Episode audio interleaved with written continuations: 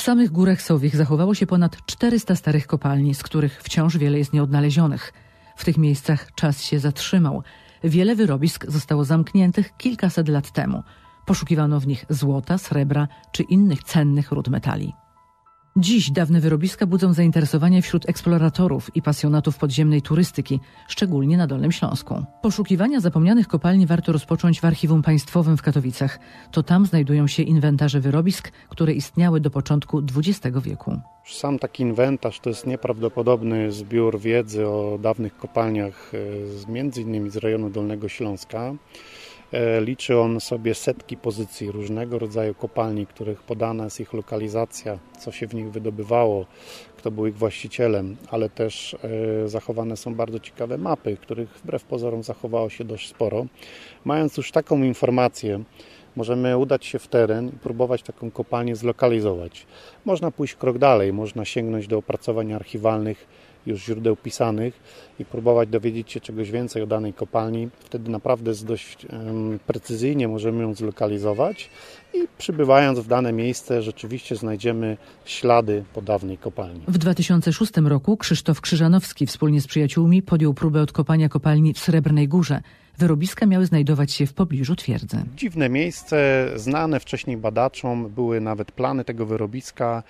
E, kopalnia nie miała swojej jednej nazwy, nazywana była e, sztolnią poszukiwawczą, e, wybudowana na początku XIX wieku. Plany były, więc wiedzieliśmy, że pod ziemią możemy się spodziewać określonej długości chodników. Podjęliśmy próby zorganizowania tej akcji przy udziale władz miejskich. Tutaj spotkało nas zaskoczenie. Dosłownie kilkanaście dni przed naszą zaplanowaną akcją dowiadujemy się z nienacka z internetu, że ktoś tą sztolnię przed nami odkopał e, i w niej był. E, zaniepokojeni tym szybciutko bardzo pojechaliśmy na miejsce. Okazało się, że rzeczywiście ktoś przeprowadził szeroko zakrojone prace tuż przed naszą akcją. Najpewniej wszedł do środka. E, my troszeczkę byliśmy zdziwieni tą sytuacją, ale jeszcze przez kilka dni nie wiedzieliśmy, co tam się właściwie wydarzyło. Chodziły potem różne pogłoski po internecie, że e, ktoś przed nami, wykorzystując to, że planowaliśmy tam pracę, chciał wcześniej zrobić swoją własną eksplorację, troszeczkę tak nielegalnie, nieoficjalnie. E, trudno powiedzieć, co tam wtedy panowie zrobili w środku. My przeprowadziliśmy dość sprawną akcję. Mm, e, dwa razy się spotykaliśmy przy tej sztolni. Udało się odkopać wejście, udało się wypuścić wodę, która w tej sztolni była. Wyrobiłosko było bardzo piękne. Udostępniliśmy ponad 60 metrów korytarza, doszliśmy do zawału, który się okazał bardzo trudny technicznie do przejścia. Kopalnia wciąż ma swoją tajemnicę, bo według map ciągnie się jeszcze troszeczkę dalej. My zakończyliśmy naszą akcję zrobieniem bardzo fajnych zdjęć, no i przygodą, która połączyła pewną grupę ludzi. Sztolnia w Srebrnej Górze powstała na początku XIX wieku jako sztolnia poszukiwawcza. Próbowano w niej trafić na złoża srebra. Te prawdopodobnie nie były jednak zbyt obiecujące, bo prac nie kontynuowano. Na ślady podobnych obiektów eksploratorzy trafiają dość często przez przypadek lub łącząc ze sobą z pozoru niepowiązane informacje – tak było w 2009 roku, gdy w internecie pojawiła się informacja o odkryciu nieznanej kopalni w Braszowicach koło Ząbkowic Śląskich. Okazało się, że to jest jedna z przedwojennych kopalni magnezytu. Mm, jeden z obiektów, który było w tym rejonie dość dużo. Udało nam się pozyskać e, archiwalne mapy, na których ten obiekt zauważyliśmy, że oczywiście on tam istnieje i został pod koniec wojny zabezpieczony. Najwyraźniej wszystko wskazywało na to, że współcześni eksploratorzy dotarli ponownie do, do wlotu szybu do tej kopalni i próbowali ją eksplorować. Udaliśmy się na miejsce, e, zlokalizowaliśmy wejście, przygotowaliśmy akcję badawczą tego obiektu. To, co zobaczyliśmy pod ziemią, to przerosło nasze oczekiwania. Kopalnia była bardzo duża, e, z bardzo dobrze zachowanymi wagonikami, torami, elementami wyposażenia górniczego. Dostęp do niej był, nie ukrywam, dość trudny, bo do środka prowadził ponad 30-metrowy szyb. Musieliśmy używać technik linowych, żeby tam się na dół dostać. Przepiękny obiekt, marzenie chyba każdego poszukiwacza, żeby się chociaż raz w takim znaleźć.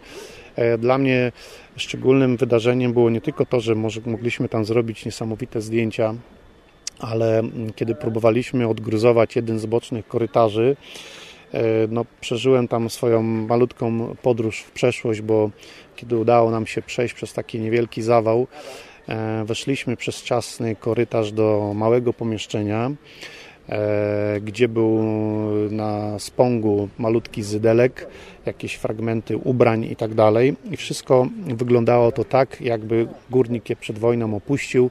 Nawet pamiętam, znaleźliśmy pod tym zydelkiem takie małe pudełeczko z napisem tabaka i proszę mi wierzyć, że jak otworzyliśmy to pudełeczko, to jeszcze ten zapach tabaki górnika był wyczuwalny. Poszukiwania i próby ponownego odkrycia tego typu obiektów wciąż trwają. Wkrótce eksploratorzy pojawią się m.in. w okolicach Szklarskiej Poręby.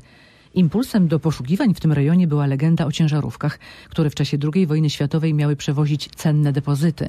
Te miały zostać ukryte w podziemnych wyrobiskach. Tą historię jako pierwszy opisał nieżyjący już badacz tajemnic drugowojennych Wojtek Stojak, który do swego artykułu dołączył interesującą mapę pochodzącą z archiwum państwowego w Katowicach.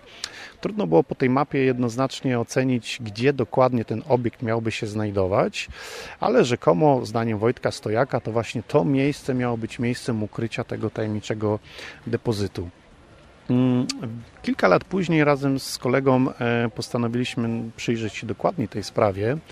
Uzyskaliśmy oryginał tej mapy, którą publikował Wojtek Stojak. Dzięki niej mogliśmy dostrzec kilka szczegółów, które wcześniej e, nie mogliśmy dostrzec na, na kiepskiej kopii tej mapy. E, przede wszystkim mniej więcej znaliśmy lokalizację. To było zbocze Czarnej Góry w Szklarskiej Porębie, miejsce naprawdę piękne, trochę takie odludne, już e, przy szosie prowadzącej do Świeradowa Zdroju. E, przez bardzo długi czas trudno nam było mm, powiedzieć, gdzie dokładnie ta kopalnia się znajduje, bo nie mieliśmy jednego arkusza mapy, który by nam to miejsce lokalizował w topografii terenu. Ostatecznie jednak eksploratorzy trafili na raport geologów z Wrocławia, którzy wskazali nieznane im wyrobiska. Materiał porównano z mapą i tak trafiono do kopalni. Ku naszemu zaskoczeniu okazało się, że kopalnia jest dostępna, a obiekt jest nie byle jaki, ponieważ jest to kopalnia, która ma ponad 230 lat. E, wydobywano tam kobalt, który służył do barwienia e, szkła. Dużo zbiegów okoliczności, bo takie obiekty najczęściej ulegały zawaleniu albo były przykrywane pracami leśnymi. Tutaj e, obiekt był dostępny, można było do niego wejść i co ciekawe, e, pokrywał się idealnie z archiwalną mapą topograficzną. Jest też mityczny szyb e, w którym rzekomo te depozyty z ciężarówek miały być zrzucane. Żeby było jeszcze ciekawiej, szyb jest zawalony, więc my na mapie widzimy, że chodnik się ciągnie dalej za tym szybem, ale e, szyb nie został do tej pory spenetrowany. Według naszych ustaleń od czasów właśnie wojennych. E, biorąc to wszystko razem, e, stwierdziliśmy, że nadaje się to idealnie na jedną z akcji, które może przeprowadzić grupa eksploracyjna Miesięcznika Odkrywca.